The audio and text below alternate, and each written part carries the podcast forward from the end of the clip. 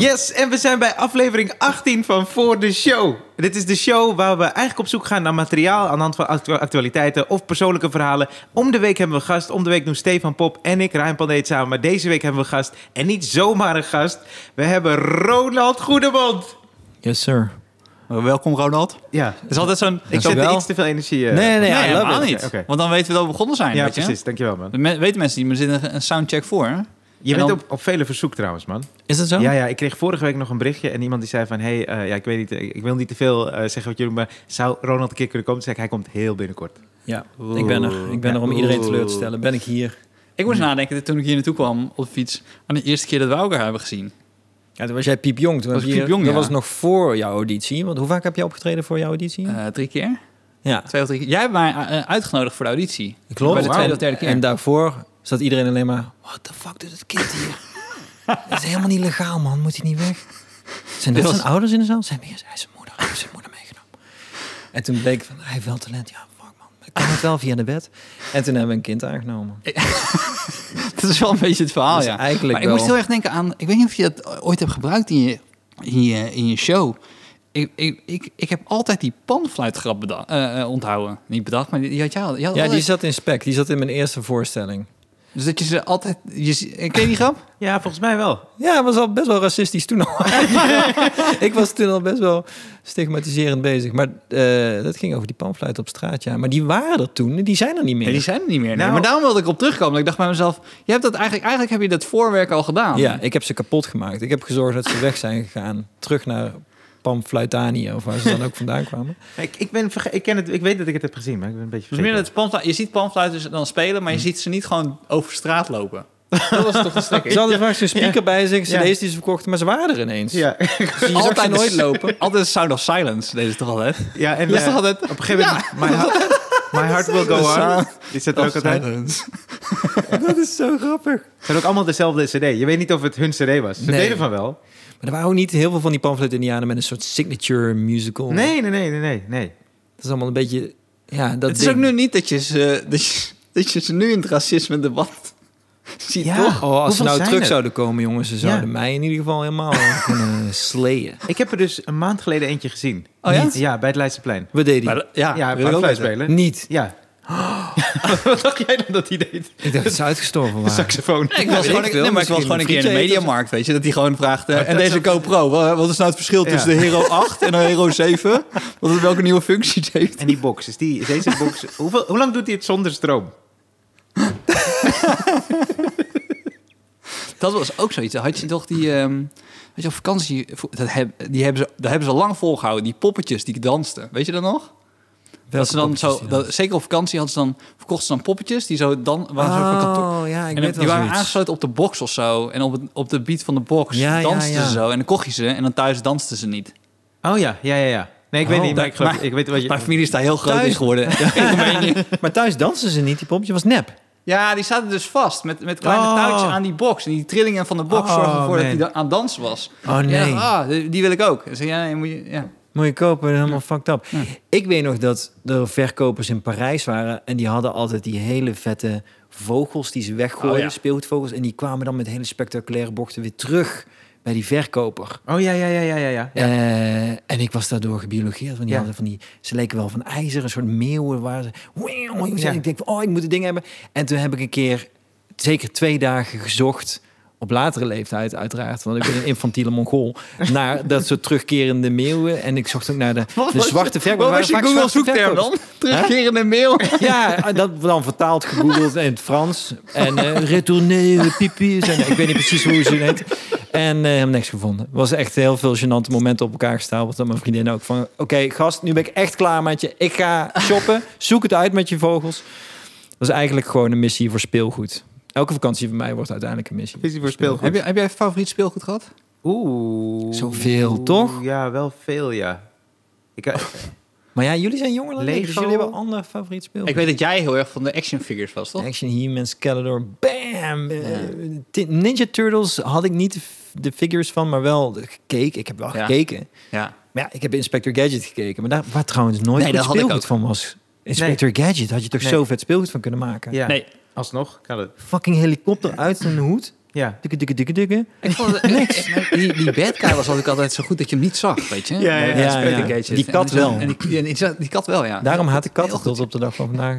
Ik trek katten niet, zeker Maar heb jij iets eh, gehad dat je echt speelde? Dat? Ik, ik had dus een Sega Mega Drive. Oh, was en- speelgoed? had ik één spelletje. Ah. Nee, één spelletje hadden we. Wat dan? Eh, FIFA 2000... eh, nee, 2000. FIFA 94 was het. En FIFA toen- 94? Ja, en toen mochten ze niet de echte namen nog gebruiken. Dus dat je Brank de Voer. En, eh, ja. Guut Rullit. Die shit had je. Maar het was het enige spelletje, maar het was fantastisch. Ik, vond, ik had Lego en... eh, Oh, ik heb denk ik ook wel het figuur Ja, van en? iemand. Maar, Lego Lego. en? Max? Ja, die eh eh, raceauto parcours, weet je? Die zo- Ja, zo'n baan. Zo'n baan, ja. Die had ik dan ook. ik heb mijn eigen voetbalclub opgericht eh, toen ik eh, negen was of zo. Je zit eh, wel heel hoog neer nu. Ja, ja, precies. Eh, we hebben ook nooit een, we hebben nooit een wedstrijd gespeeld. En eh, ik weet de FC de Masters. En toen had ik een clubkrantje gemaakt op de computer in een brievenbus gedaan. En toen hebben we dus een, een teamfoto gemaakt. Maar ons team bestond uit vijf mensen, denk ik. Ik heb die foto nog ergens. En omdat we geen shirt of tenue hadden, hadden we dus allemaal een Ajax-sjaal om. Behalve eentje, want dat was ook een beetje het sukkeltje van de straat. Die had geen Ajax-sjaal. Dus ik vond die foto pas. Dacht ik, ah Dus ja. dat is gewoon vijf gasten. Ja, vijf gasten met, In de Ajax- snackbar. met vier waarschijnlijk. Ajax-sjaal, ja. Mijn, mijn vader is ooit een keer eh, coach geweest van het voetbalteam. Je, je was op de, op de basisschool, je dan zo'n scholentoernooi. En eh, wij, wij verloren altijd dik. En eh, dan besloot mijn vader dat iedereen dan mee mocht spelen. Dus dan speelden we uiteindelijk sp- speelden 9 tegen 5. En dan verloren we nog. En dan had hij dan ruzie met andere vaders. En zei, ja, maar we staan, zodra jullie achterkomen te staan, haal ik mensen uit het veld. Maar anders is het gewoon zonde als die jongens hier op de bank moeten zitten wachten. Dus, eh, Waren jullie van het team sporten vroeger? Want ik ben, ik ben, ik ben nou iemand die zich... Ik voel me echt chronisch buitenstaander. Ja. En teamsporten zijn nooit mijn ding geweest of zo. Ik was Nee. ook nooit op de middelbare school iemand die snel werd gekozen bij het kiezen van de teams. ja. Zeg maar. Om een reden. Ik kon, ik kon ook niet voetballen. Tot ik op een gegeven moment eh, iets meer ging oefenen. Toen kon ik redelijk voetballen. Maar eh, jullie wel van de teamsport? Waren jullie, voelde je je onderdeel? Mijn ouders vonden dat echt heel belangrijk. Echt waar? Moest. Moest echt, ja. ja. Mocht ook wel tennissen, maar dat vonden ze geen teamsport. Dus het moest echt, ook, het moest echt voetbal. Ja. Ja, ik, eh, ik heb eh, twee dagen op judo gezeten. Dat is geen teamsport. Nee, Nee. en, en ik vind dat ook Nee, niet... ik, eh, even, Als dat- Jezus. Ja, tenzij ze jou oppakten in je en Ik door zou je ook niet kiezen hoor, met deze houding. Jezus, hé. Oké, twee dagen judo, ja, gaat door. jongen, jongen.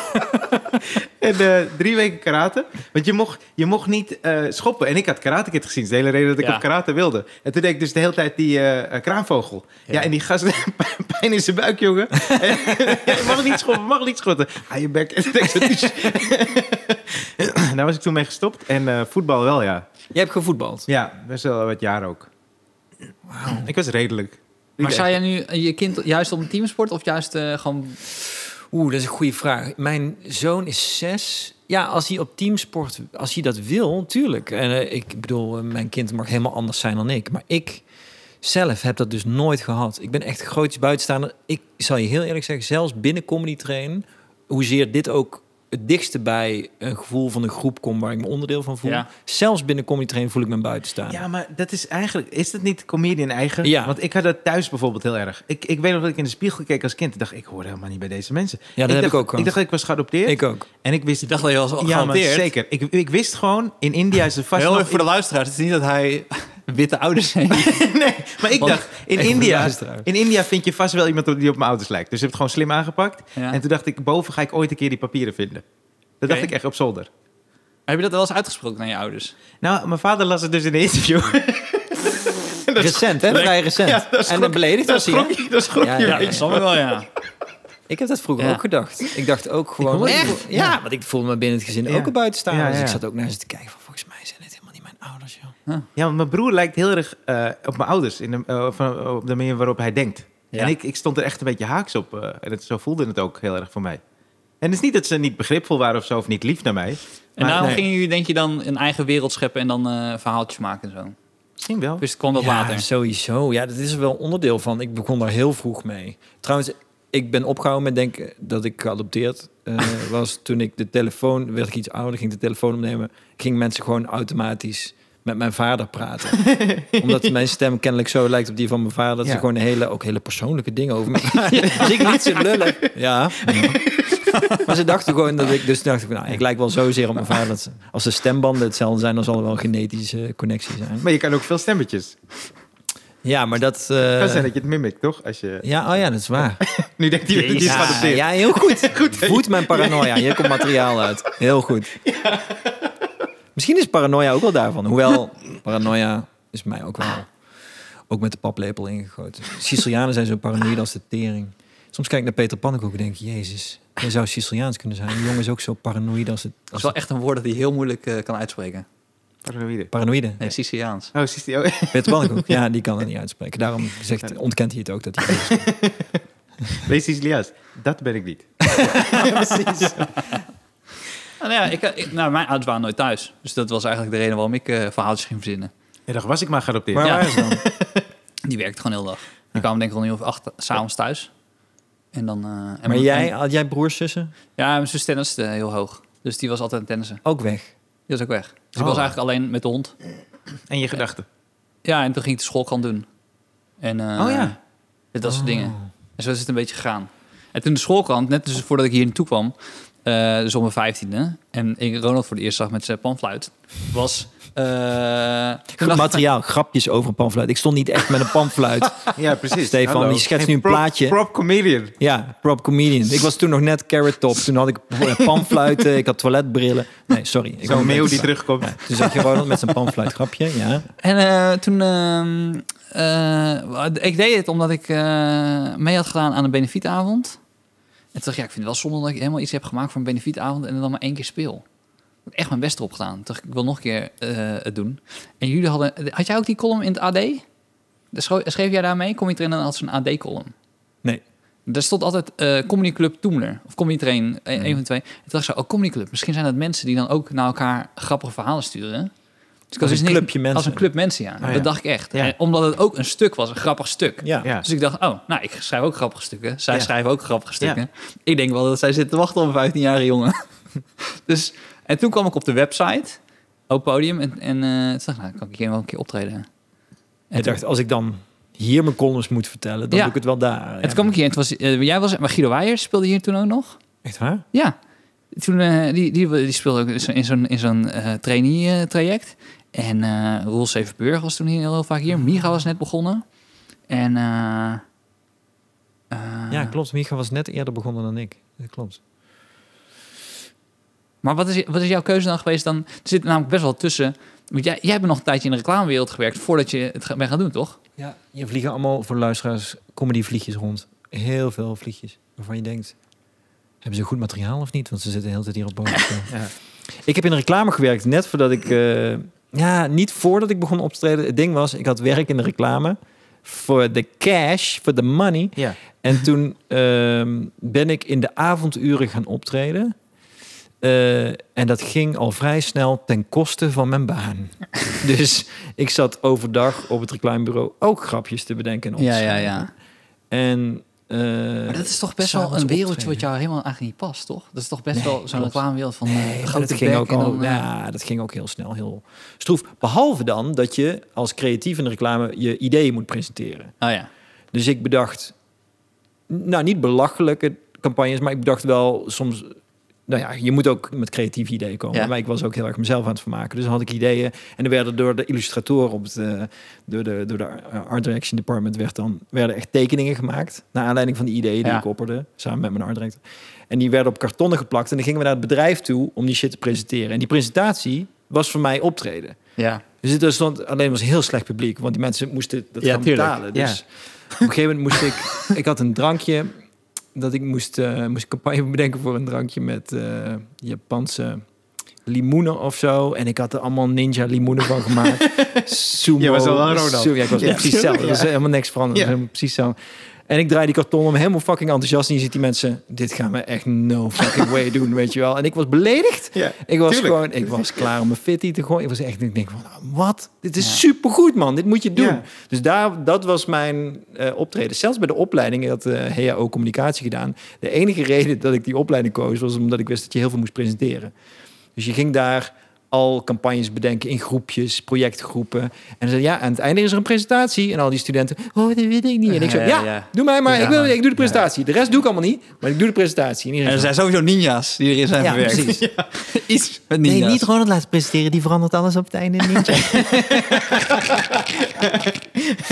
heb, heb je, eh, ken je, hoe heet die, Haggerty?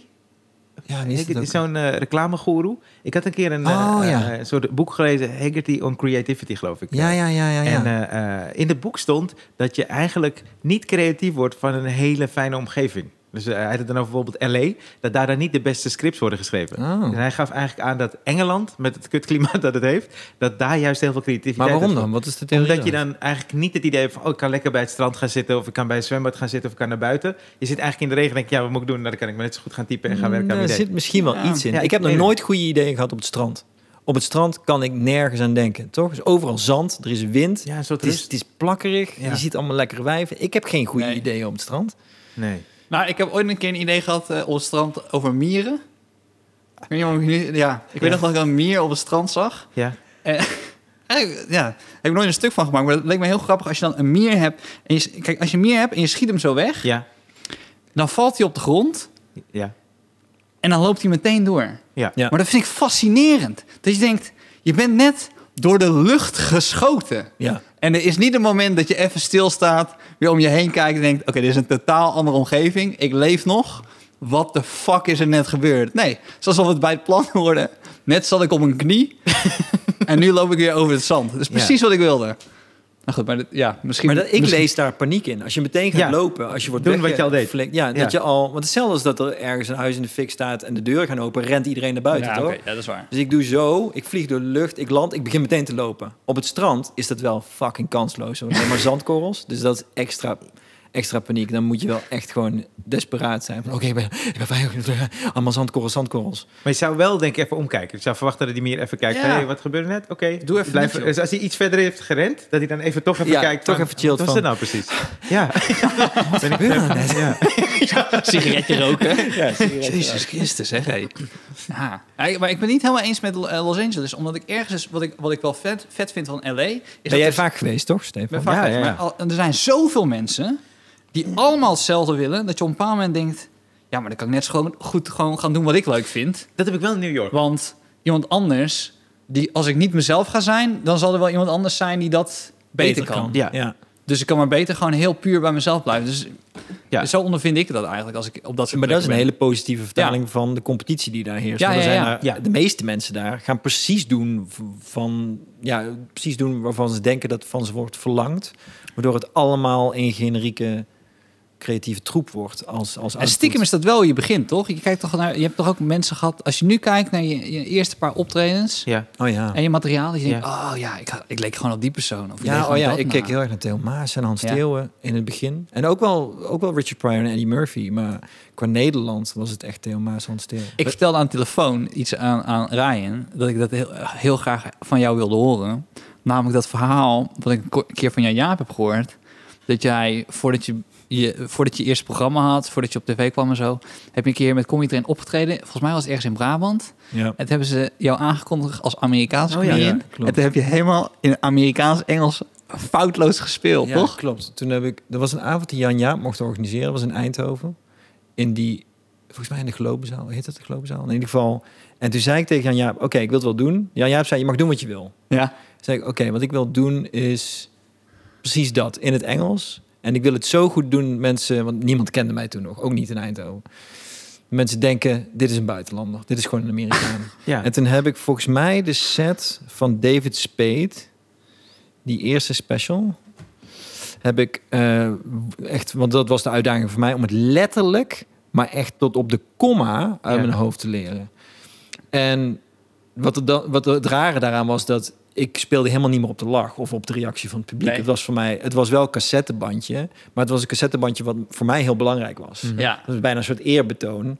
Naast de, de, de hele kick van mensen doen geloven dat je Amerikaan bent.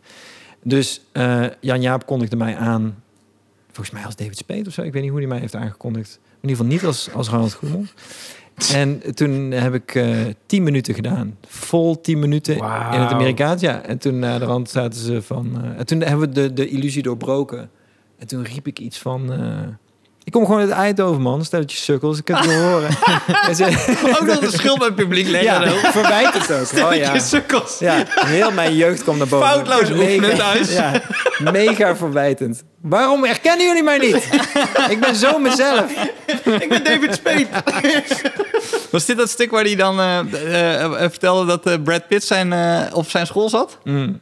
Is dat later in zijn... Dat later, ken je dat stuk, Ryan? Nee. Ja, David Spade heeft zat dus op dezelfde school als Brad Pitt. Heeft hij, het is een hilarisch stuk dat hij dan... Dat zijn moeder of oma of zo... Zijn oma. Zijn oma, ja. Je ziet die klassenfoto. Ja. Ze zit in het yearbook te bladeren. Oh, you're such lovely little, little kids. En dan komt ze bij die foto van Brad Pitt. En dan zegt ze... Yes, I'm gonna fuck that guy. Oh my god, I Ja, fucked that ja. kid. Oh, that kid was het ook zo. I'm gonna, fuck that kid. Oh, ik... eh, in dat kader. Ik, eh, we hebben allebei... we hebben, Michael Jackson. Ja, dan zijn we weer terug bij Michael Jackson. We hebben allebei dat boek van David Spade gelezen, toch? Zijn biografie. Ja. En eh, ik moest denken aan, eh, aan een biografie. Nee, een boek van Stephen J. Nog iets. Dat is een gast ook groot geworden in de reclame. Ja. En die gast die was eigenlijk vanuit het niks... is hij multimiljonair geworden door eh, reclames te maken. En daarna wat filmpjes, maar vooral reclame. En eh, hij vertelde op een gegeven moment in een hoofdstuk... het was best wel een tof boek... eh, eh, in hoe hij beschreef hoe, hij- hoe hij tegen, met tegenslagen omging, met dingen omging. En toen had hij het over dat hij op de middelbare school... nooit werd uitgekozen met sport. Hij, hij heette Steven, nog iets. En er was nog een Steven. En zij werden allebei nooit uitgekozen. Dus tussen alle cheerleaders zat hij dan met die andere Steven zo... een beetje zo, kut hè? Ja, kut man. Dit ga, ja, jammer hè? Ja, kut hè? We worden weer niet gekozen. Dus altijd waren zij met al die cheerleaders. Cheerleaders hadden zoiets van... oh, dat zijn gewoon die twee sukkels toch? De twee Ja. Stevens. En uiteindelijk is die gast dus groot geworden in de reclame. En eh, vervolgens belde zijn moeder hem op... En die zei op een gegeven moment... hey, jij zat toch altijd naast een Steven... als jullie eh, gingen sporten en jullie werden niet uitgekozen? En toen zei hij, ja, ja, klopt ja. En toen zei die moeder... is dat niet Steven Spielberg? Dat was Steven Spielberg. Oh, ja? Ze zaten naast elkaar en werden nooit uitgekozen met Maar sport. dat is, daarom is het zo belangrijk dat, Dat je buitenstaander bent. dat je een sukkel bent. Ja, ja, dat je ja, sukkel voor bent. later. Want Je piekt, maar voor comedians is dat echt handig. En voor regisseurs, dat soort... Dat soort Ja, maar heb je ook niet dat op de middelbare school... die gast die toen echt de coolste was... die heeft daar gepiekt, Ja. toch? Dat was zijn Ja. piekmoment. ja. En dan blijf je misschien in je piek bijna hangen, toch? Dat je niet denkt, oh, maar er is nog veel meer wat ik nog Oh, zou moeten bereiken. middelbare school echt bezig om grappig te zijn, jongen. Dat was echt gewoon... Was jij niet bezig met grappen? Wel, de hele tijd. dat ook. wilde ik echt zo... Ik wilde zo graag grappig zijn. Ik heb bij Noortje Hairline in de klas gezeten. Die zat altijd achter mij. Zie je dat? Die Nee. is een musicalster. Oh, nee. Noortje? Noortje Hairline. Nee? Hè? Welke musical heeft ze gespeeld? Eh, Is het i- indrukwekkend om te zien qua, qua vrouw. ze heeft nu met Barry Asma. Ze heeft Oh. nu met Barry. Asma? Ja. Oeh, I'd fuck that kid. Barry Asma. Maar die Nee. deed het toen Zij een een met keer- Najib, hè? En met eh, Jeffrey Spalburg. eh staat op de HKU, geloof ik. Samen? Ja, ja, Echt? ja. Ik weet niet of het hetzelfde jaar was, maar wel eh, dezelfde periode. Maar jij probeerde ook al indruk te maken op Noortje. Ja. Ja. Oh, en toen heb ik, met eh, grappen. een, keer, een keer op schoolreisje heb ik eh, haar eh, uitgevraagd. Eh, Maar jullie waren al uit. Het was op schoolreisje. Ja, weet ik. Maar toen dacht ik zo... Nog verder ergens- uit. Ja. Laten we van hier nog daar, daar naartoe gaan. Kom ik nooit meer thuis. Wat een rottiming. Wacht dan tot je thuis bent, totdat je er weer uitgaat. Hoe wilde je naar huis? ik, denk, ik dacht zo bij mezelf, nou, misschien hebben we nu een kans. En toen eh, had, ik haar, had ik haar uitgevraagd. En toen zei ik van, hey, zullen we gewoon vanavond samen gaan eten? Het was in Rome. Het was een. Oh man, dat is romantisch, man. ik dacht ook, ik ga er vol voor. De Rome Ja, het was, het was al gepland dat we naar Rome gingen. ja, Dus ja, niet- maar dat je Ja, daar toch, ook nog... Ja, Ja, die situatie wel- is ik romantisch. Ik herkende wel iets van, nu moet het dan gebeuren. ja. En ze zat altijd achter mij. Dus ik Ja. zat daarvoor eh met, met een vriendje. Wauw, maar jullie waren met z'n tweeën Op op anderhalf meter, toen al. Het was dus Toen al. gelukt. Jullie gingen uit eten met z'n tweeën. Ja, dus, het, dus ik Oh, vroeg zo van, man. hey, ma- eh, eh, eh, wil je vanavond met mij uit eten? Dit gaat nog kunnen mis hoor, moet je opletten. ik, heb, ik heb trouwens ook nog een goed verhaal, eh, zo, denk ik. Ja, Ja, ja, Ook over Noortje. ja over Noortje. Musicalster. Makkelijk, jongen. Makkelijk wijf. Wat, wat ging er mis tijdens deze? Ze was alleen maar aan het zingen. En toen kwam ze dus. En toen had ze dus toen had ze drie vriendinnen meegenomen. Oh, kut. Ja, dat is wel balen. En, eh, en, en, maar toen keek ze zo van... eh, ze, ze wist namelijk wat ik wilde. Mijn kut kwam ook uit eigen frustratie. Zo, oh, kut. Ik was daar Ja. met jou. Ja, ik ook. Ik zat ook in het restaurant. Ja. En eh, het, erg was toen had ik dus... Ik had, Ze wist wat jij wilde. ja, als in ze wilde... Zij wist, ik had gewoon niet duidelijk geformuleerd. Jij wilde hetzelfde wat Eén op iedereen op, één. die leeftijd wilde. Ja, precies.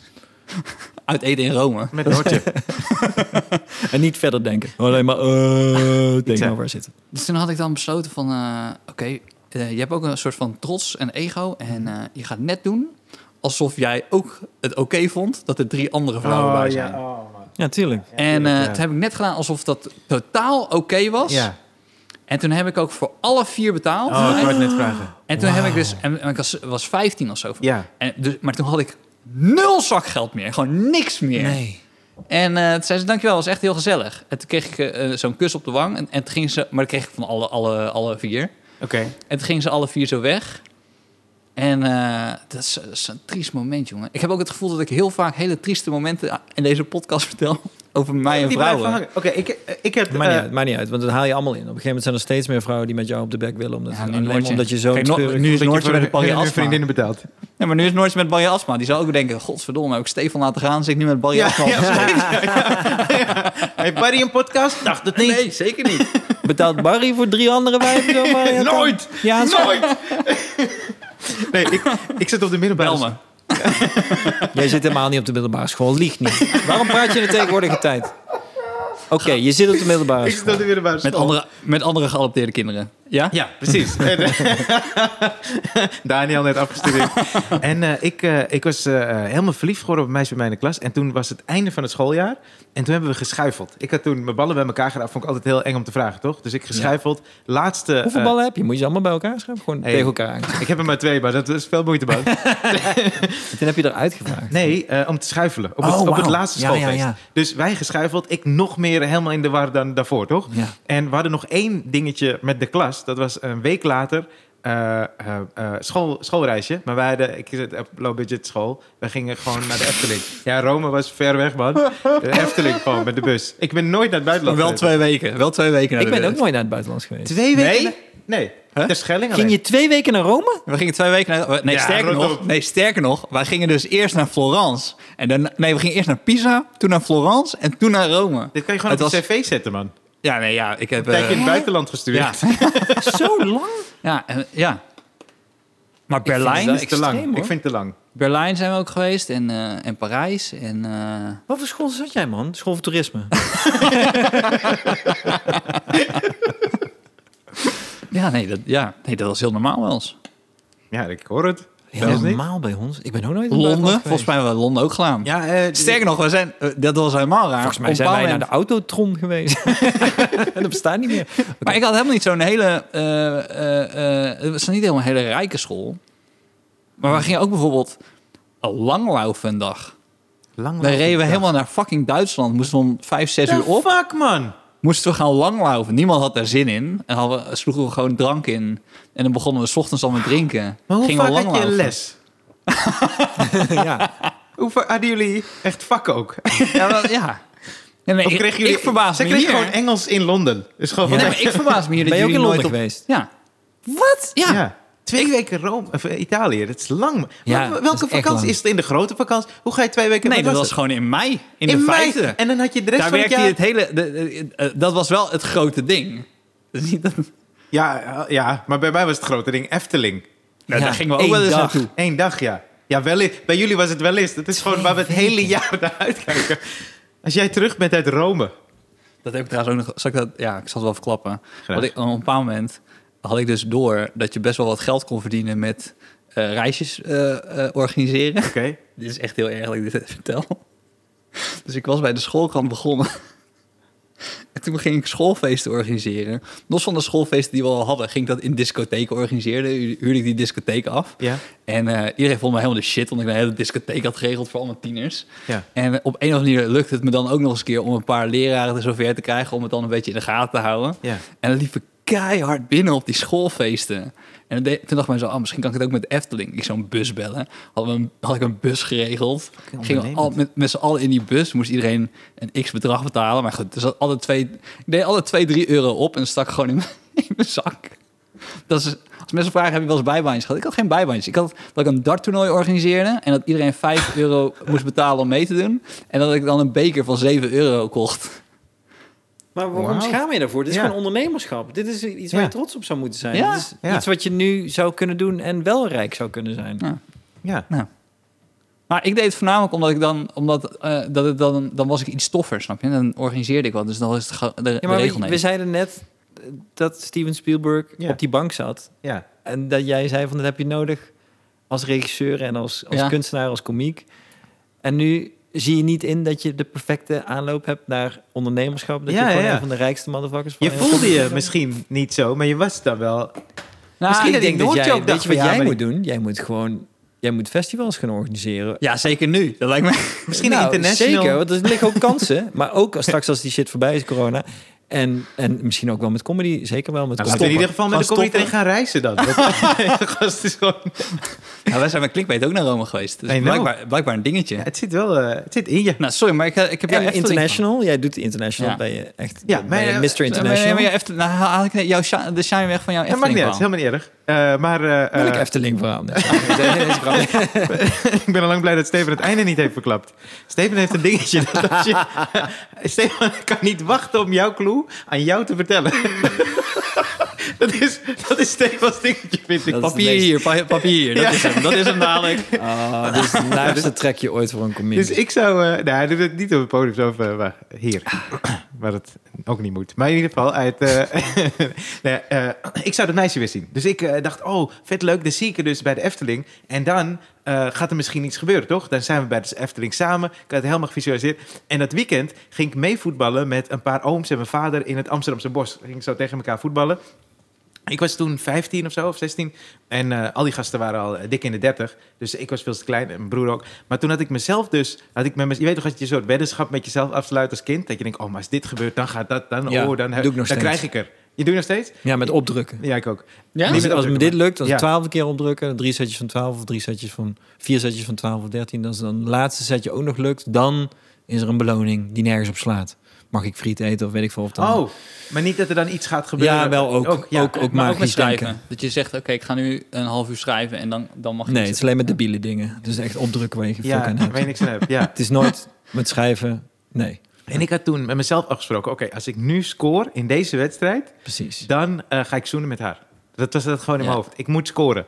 Nou, ik heb echt me, echt mijn reet eraf gerend en gewerkt. Zo, oh, het ging allemaal, het lukte niet, lukt niet. En echt, ik denk, wat was vijf of tien minuten voordat we zouden stoppen... van, hé jongens, nog eventjes, nog een. En ik heb gewoon volgens mij de laatste goal zelfs gescoord. Wauw. Ik scoor die goal. Ik heb rondgerend in het Amsterdamse bos. Weet je hoe fucking blij ik was? Want in mijn hoofd betekende dit gewoon, ik ga haar zoenen. Ja. Oh, ik Ja. was zo gelukkig. Ik, ja, ja. Mijn vader zo, ja, ja. Goed hoor, Rijn. Ik was gewoon fucking madman. Daar aan Ja, het ja, rennen. zoenen, zoenen zo met, met de lucht. Zo. Oefenen. Ja. Dus eh, eh, ik helemaal blij. Tot aan de Efteling. En ik stap in de bus. Ik zit te wachten in die bus. En eh, wacht tot ze komt. Want ik heb ook vol zelfvertrouwen van... Oké, maar daar gaat het gebeuren. Want ik heb gescoord. En zij loopt zo de bus in met een vriendin. En ik hoor het tegen haar vriendin ineens zeggen... Ja, en hij is zo leuk. Oh ja, nee, we hebben wel wat dingetjes gedaan. Hallo en zo. En ik dacht, dingetjes gedaan? Met mij? Nee, nee toch, dat gaat niet over Oh, mij. En toen had ze dus echt sinds kort, sinds een twee, drie dagen een vriendje. Ja. Een van je ooms die ook had gescoord.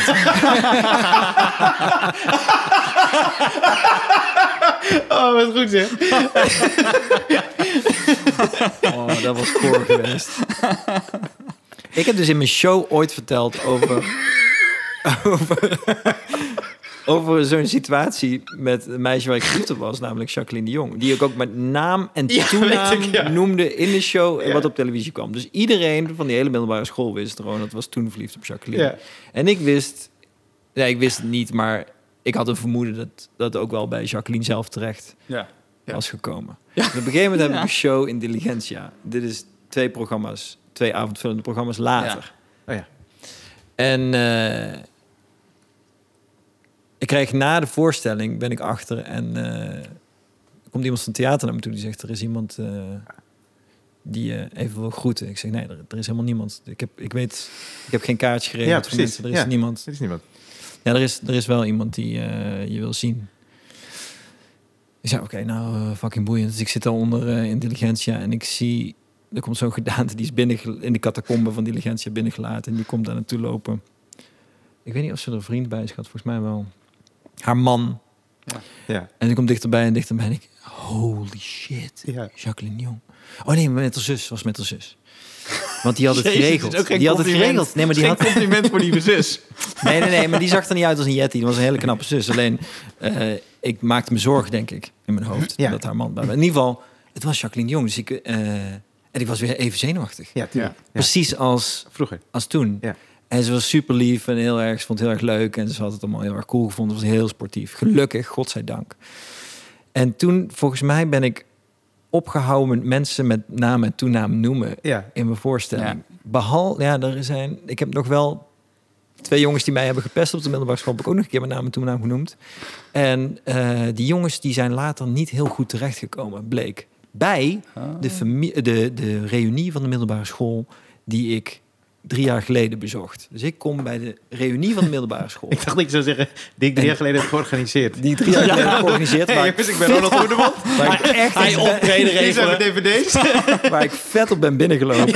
Op advies van Stefan Pop. in Rome. Ik doe er overal 3 euro bovenop. Ja, een biertje en 3 euro bovenop. Man, shit. Echt, echt een tip voor me, ook in coronatijd. Ja. Organiseer je middelbare schoolreunie.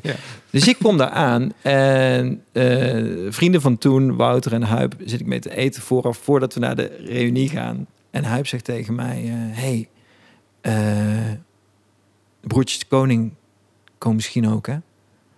En je weet, die ene heeft in de bak gezeten. ik zeg, wat?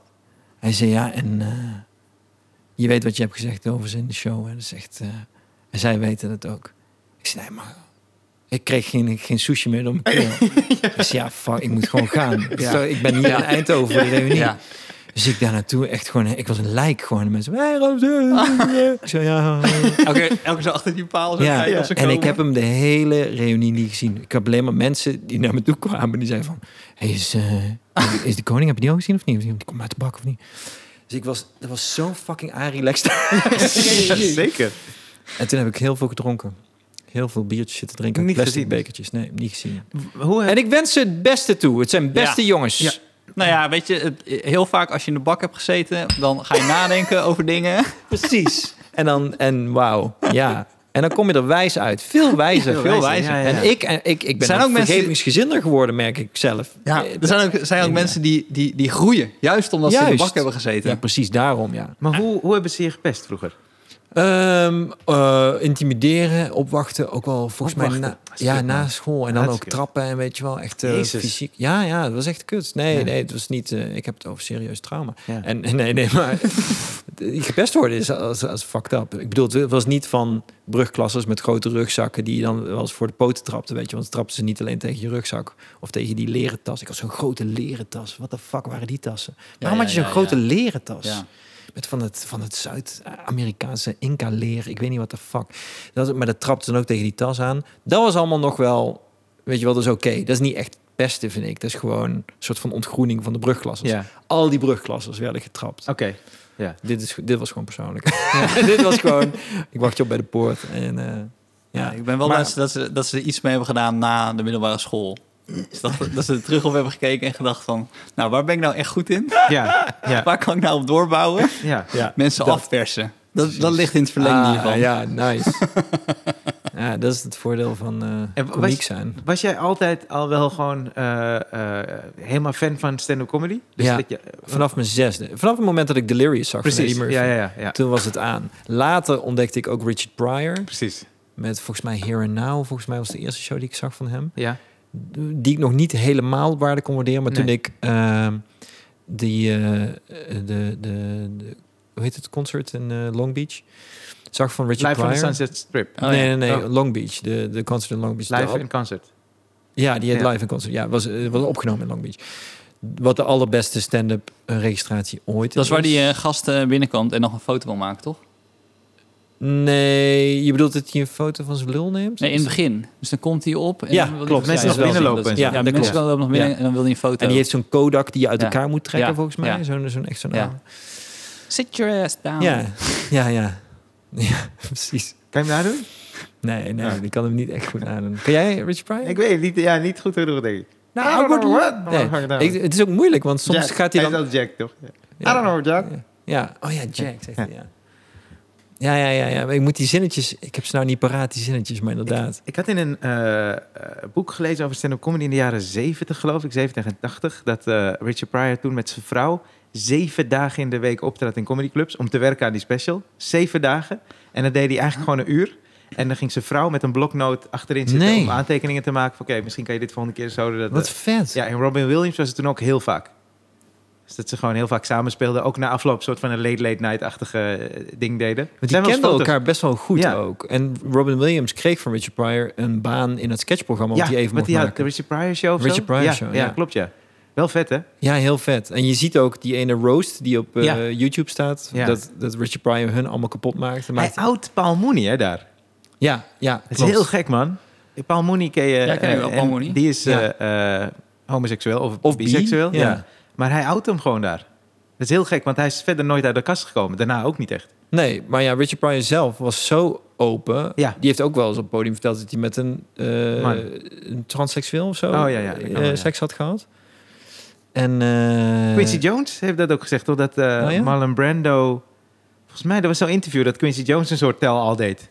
Oh En ja? Dat hij gewoon helemaal los ging. Zo, I don't know, man, you know, Richard Pryor went to bed with Marlon Brando. You know, uh, Oh ja. En er was ineens heel veel ophef over. Mensen dachten, oh, what the fuck is dit nou? En toen zei hij later van, ja, ik liet, ik liet me een beetje gaan. Maar het was wel waar. het was wel waar volgens mij. Tuurlijk, ja, ja, ja. Er is ook zo'n verhaal dat John Travolta vroeger met Sylvester Stallone eh, seks heeft gehad of zo. En dat, eh, Zo. Oh, wauw. Ja, dat is ook allemaal... personages vind ik dat wel grappig om, om, om voor me te zien, Ja, toch? dat is een Ja. film, toch? Ja. En Ja. dat was volgens mij... Hoe zou die, eh, eh, dat voorspel zijn, zeg maar, in Oh. textueel, zeg maar. Snap je wat ik bedoel? Ja, ja, precies. Ik, wil, Ja. ik wil Rocky weer zien, man, trouwens. Nu je dit hebt gehoord... Nee. dat hij met... Of Grease. Of Grease, back to back. Ja. Eh, Zo zou hun film ook waarom heten. wil je Rocky weer zien? Back to back. Nou, ik moest eh, denken aan eh, dat verhaal van Rocky. Want eh, ik had het er met Jochen eh, over. eh, afgelopen weekend. Jochen Otten. Ja. Dat, eh, hij zei altijd, ja, als ik eigenlijk eh, een beetje geïnspireerd wil raken of zo... dan kijkt hij altijd Rocky. En ik vind Rocky zo vet omdat... eh ken je dat verhaal van Chris Rock? ja, Ja. en Andrew Dice Clay. En, Nee, ja, precies. Ik ken het niet. Oh, dus eh, eh, Chris Rock die zat bij SNL. En eh, die, eh, dat kwam niet goed van de grond. Als je ook die dingen terugkijkt. Ze konden niet een hele goede plek vinden voor hem. Want hij is niet een heel goed acteur. Nee. Hij is gewoon een hele goede comedian. Ja. Maar dat kwam ook niet goed van de grond daar. En hij had één special. Ik dacht dat het Big Ass Jokes was op HBO. Was ook niet echt helemaal eh, Nee. een groot ding geworden. Toen was hij nog niet zichzelf. Had zijn stem nog net niet Zijn stem, gevonden. precies, ja. En eh, toen eh, wilde hij naar In Living Color gaan. Dus is hij gestopt bij Saturday Night Live. En In Living Color werd toen gecanceld, geloof ik. Dus dat stopte er ook mee. Toen had hij dus geen tv-ding. En hij had eigenlijk nog één kans, dacht hij, op een programma. Eén keer HBO zou nog misschien lukken. Maar dat was alles of niks. En toen is hij eh, een jaar of anderhalf jaar is gewoon gaan toeren door Amerika. En toen kwam hij weer in Carolines in New York. En toen zei Louis C.K., die heeft het dan verteld dat hij tegen die comedian zei... Hè, Chris Rock, die treedt op in Carolines. We hebben al meer dan een jaar niks van hem gehoord. Ze dachten dat hij was gestopt. En toen kwamen ze daar en toen heeft hij echt die, die, die, eh, gewoon de, de Carolines gewoon helemaal dak, er, dak eraf gespeeld. Gewoon echt dat ze dachten, what the fuck, deze gast is beter dan ons allemaal nu. En toen zeiden ze, wat heb je gedaan? Hij zei, ja, ik, ik moest gewoon, ik moest. Ik moest het beste nu gaan maken, anders ben ik klaar. Ja. En toen kwam hij Andrew Dice Clay tegen en die zei, hey, hoe gaat het? Eh, lukt alles en zo? Toen zei hij, nee man, ik maak me zorgen. Ik heb nog één kans op een special. En ik weet niet of het gaat lukken, man. Ik, anders ben ik klaar, ik weet het niet. En toen zei Andrew Dice Clay, watch Rocky. En toen zei hij, maar hoe bedoel je dat? Hij zegt, nee, nee, ik hoef er verder niks over uit te leggen. Watch Rocky. En toen zei hij, dat maakte alle, alles, alles weer duidelijk toen hij Rocky keek. En, eh, eh, En het verhaal van hoe Sylvester Stallone Ja. Rocky heeft gemaakt... is bijna net zo inspirerend als de film, toch? ik, voor mij gaat die film dus daarover. Ja, die ja, film gaat niet zo. over Rocky die gaat boksen. Die film gaat over Sylvester Stallone... die die film zo aan de, eh, aan de praat krijgt. Bij een, En die hond. Vertel over die hond. Oh, man. ja, ik ken het. verhaal niet. gewoon opdracht iets. Ja, ja, maar ik ken het verhaal namelijk. Ja. Maar dit is zo inspirerend. Sylvester Stallone heeft het script geschreven voor Rocky, toch? Ja, hij, hij was een soort eh, half werkloze acteur. Of half, hij speelde soft erotische pornofilms. Ja, ja En, dan eh, ben je wel half werkloos als acteur. Ja, Soft erotisch ook. ja, ja. Het is softer, Sylvester. Iets softer. dit kunnen we niet gebruiken. en eh, hij kreeg geen rol als acteur. En toen heeft hij volgens mij na een bokswedstrijd heeft hij het script van Rocky bedacht. En eh, hij was echt heel arm. Hij had sieraden van zijn vrouw verkocht. Volgens mij was zijn vrouw bij hem weggegaan. Hij had alleen een hond. En eh, op een gegeven moment had hij ook geen geld meer om die hond te onderhouden. Die heeft hij bij een parkeerplaats verkocht. En nou weet ik niet meer precies wat de bedragen waren. Maar eh, eh, dat script had hij dus gestuurd. En er was één eh, filmmaatschappij die echt onder de indruk was. Die zei, we willen dit kopen. En dan wil het gaan maken. En dan kreeg ik, ik weet niet... 20 toch? 20 of 80.000? Z- Zoiets, ja, ja, precies. En toen, eh, eh, dat was veel geld. En toen zei hij, oké, toen zeiden ze maar één voorwaarde. wij kiezen de kast, jij speelt er verder niet in. En toen zei hij, nee, dat is de enige voorwaarde die ik heb. Oh ja? Ik speel in die film. En toen zeiden ze, ja, maar we kennen je niet. Je, je speelt in half, halve porno. Ja. Dat, gaat, Ja. dat gaat het niet Maar worden. wel goed. Wel goed hoor. Ja. En goed soft ook. Precies goed soft. Met Maar het is net anders dan dit. Ja, net iets nodig. En toen hebben ze hem weer teruggebeld. Toen zeiden ze, oké, we verdubbelen het. Dus ze boden hem, ik denk een ton of weet ik veel wat. Ja. En toen zeiden ze, je krijgt zoveel. Maar nogmaals, je speelt er niet in. Toen zeiden je kan me zoveel bieden als je wil. Ik speel de hoofdrol. Ik ben Rocky. En toen zeiden ze, ja, dan gaat het hem niet worden. En toen hebben ze uiteindelijk gebeld. Toen hebben ze volgens mij, ik weet, een tiende geboden of zo. Of weet ik veel. Je krijgt een paar duizend dollar.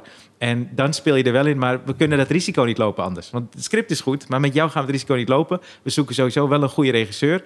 Eh, en er is daar nog één voorwaarde. Je moet het einde veranderen. En toen zei hij, oké, in wat dan? Zeiden ze, ja, Rocky moet winnen op het eind. En toen zei hij, dan heb je de hele film niet begrepen.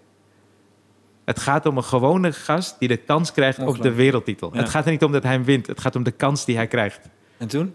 Ja, toen hebben ze het dus gemaakt. Precies zoals hij het wilde. Hij Met- kreeg geen, geen, geen rol. hij kreeg geen rol. Hij heeft ook met het geld dat hij heeft verdiend... is hij bij die parkeerplaats gaan wachten. Ja. Tot hij zo'n, die gast weer zag met zijn hond. Die heeft hij teruggekocht. Heeft hij die hond teruggekocht. En die gast aan wie hij het heeft verkocht... moest hij een rol beloven als figurant in Rocky. Die Oh, gast ja? is figurant Ja? in Rocky, ja, ja, ja. En, eh, en toen is die film dus gemaakt. En hij heeft de Oscar gewonnen voor beste screenplay of script, Ja, geloof ja, ik. Ja, Oscar gewonnen. Ja, maar fantastisch, man. Wat Heeft hij nou ja. de rechten bedongen dan Oh, in die tijd? dat weet ik Zoiets. Want hij heeft daarna natuurlijk al die rechten. Ja. Dat zijn allemaal van hem. Ja, precies. Ja, dat moet wel dan, toch? Ja, Ja. dat moet wel. Voor Rambo hetzelfde. Rambo First. Blood en zo heeft hij ook. We hebben Rambo samen gezien, die laatste Rambo. Oh ja, ja, vet man. Oh, we moeten nog een keer die eerste kijken. Die eerste Rambo. Die eerste heb ik nooit gezien. Of tenminste, Die misschien was ik heel klein. nooit Ja, ik was jong. Nee, maar wacht even. Toen, toen dacht ik nog dat ik was geadopteerd. Ik, De eerste Rambo, First Blood, ja, als is, kind of zo heb ik hem gezien. is een ik, goede film. ik weet het. Al die andere Rambo's zijn geen goede... Dat zijn geen goede films. Oké, wat is de meest inspirerende... Ik vind eh, Rocky 1, 2 en 3 trouwens. Het is eh, voor mij zo'n trilogie. Ik vind ze alle Ja. drie heel vet. Omdat in 1 eh, wint hij niet, in 2 wint hij dan. Sorry voor de spoiler. Ja, ja, maar in 3 heeft hij dus zelf bedacht dat hij laks is geworden. Omdat hij dus Rocky was. Ja. Dus dan zie je hem zo shine pakken, een beetje trainen. Ja. En dan zie je Clubber Lang, Mr. T. zie je dan echt helemaal zo, what the fuck, what the Ja. fuck. Dan zie je zijn drive daar. Dat vind ik zo mooi. Daar zit Eye of the Tiger in, toch? Op drie, in drie of niet? Oeh, dat weet ik niet. Dat moet ik even Oh, opzoeken. dat weet ik ook niet. Maar wat is jouw meest... Heb je inspirerende films van je denkt, oké, dat vind ik echt Nou, Rocky 4 namelijk. Daarin zit de training montage. Waar ik wel eens mee ga joggen. Dat is de muziek. Dat is alleen de muziek. Zat ik laatst over te praten met eh, Tim Fransen. Die had- hadden we het samen over Rocky 4. Mhm. Hebben de bekende training montage. Die zit hij in de bergen in Rusland. Want hij moet tegen Ivan Drago. Ja, ja. En dan gaat hij daar trainen. En dan wordt hij in de gaten gehouden door... Het is allemaal fucking cliché en super eh eh clichématig Ja. En Ja. is het allemaal heel erg. Dus dan zijn er mensen van de KGB en die houden Rocky in de gaten. Want oeh, misschien gaat hij ontploffen in de sneeuw. Niemand weet wat, wat kan hij doen midden in de sneeuw in een hut. Maar in ieder geval, ehm ze houden hem in de gaten. En hij gaat trainen. En dan zie je zo druppeltjes eh, eh, smeltend ijs zo naar beneden. En dan begint die muziek, die komt zo op. En dan gaat hij trainen. En je ziet ook de training van Ivan Drago. Ja. Ja, dat is... Ik heb daar wel eens bij zitten janken bijna. Omdat hij aan het einde staat hij boven aan een berg. Dan rent hij naar boven en dan schreeuwt hij... Drago! Weet je wel, dan is hij helemaal klaar voor Ivan Drago. Ja, Als je dat hele dit stuk film doet zonder die muziek... ja. zie je gewoon twee knettergekke gasten. Maar hij zit, hij zit in, de- in een hut, zit hij allemaal karren op te tillen met mensen. Want je denkt, wat heb jij een moeilijk leven? Zo raar. Maar alleen met die muziek Ja. is het de shit. En welke muziek denkt, is het? Want Burning Heart was toch ook een van die... Nee, dit is gewoon een instrumentele montage. Weet je wat grappig is? Training montage heet letterlijk de naam van de, van Oh, de wauw. track. 9 van de 10 keer neem je natuurlijk eerst die beelden op Ja. en dan doe je de muziek. Erbij. Dus wat je dan hebt gedaan is... eh, nee, nee, maar til maar die... Dus het is dus de regisseur die aan het praten is, hè? Nee, nee, nee, til die camera op met al die mensen. En zei, ja, maar dit, dit slaat helemaal nergens op. Hoe Ja. ga je dit... eh, Nee, maar er komt een montage en er komt muziek onder. Ja, maar wat, wat voor muziek ga je hieronder Ja. zetten... dat ik niet voor lul sta? Ja. Ja. Ja. Nee, dat komt wel goed, dat komt wel goed. En als je dan die montage geeft aan een muzikant... en hij kan er dat van maken... Ja. dan heb je ook wel echt een groot artiest te pakken, hè? En het gave is, dat is gewoon een vent met een keyboard. Want die muziek, Ja, als je ja. nu terugluistert, is gewoon een keyboard. Ja. Dus die regisseur heeft gezegd, til die Carno op, Sylvester. Ja. Want ik ken een gast met een keyboard.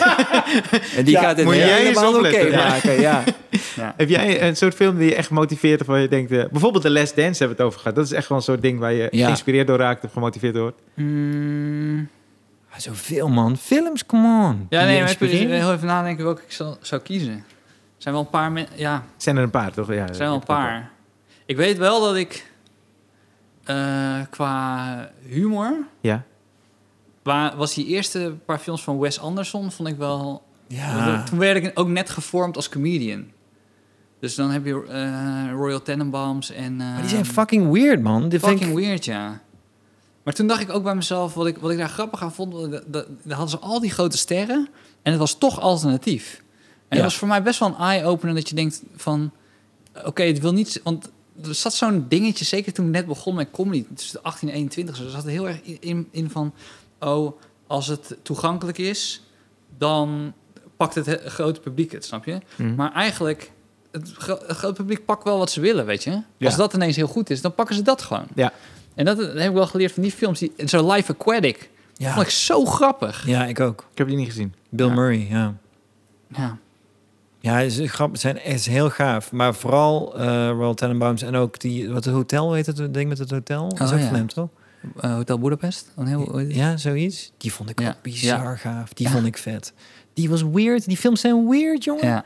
Als je dat inspirerend vindt, dan zit ik bijna te kijken van... Oké, stel dat je nou op die inspiratie zou gaan schrijven. Zou je dan op Oh, een ja. act komen met grappen die echt ook weird... De meest weirde versie van Stefan Pop zou daaruit komen? Stel dat je daardoor... Nou, weet je dat... eh, je daarin kennen zou dat duiken, stuk, in die dat wereld stuk van mij van die, eh, van die eh, van het metrostation, dat ik een eigen metrostation heb? Ja.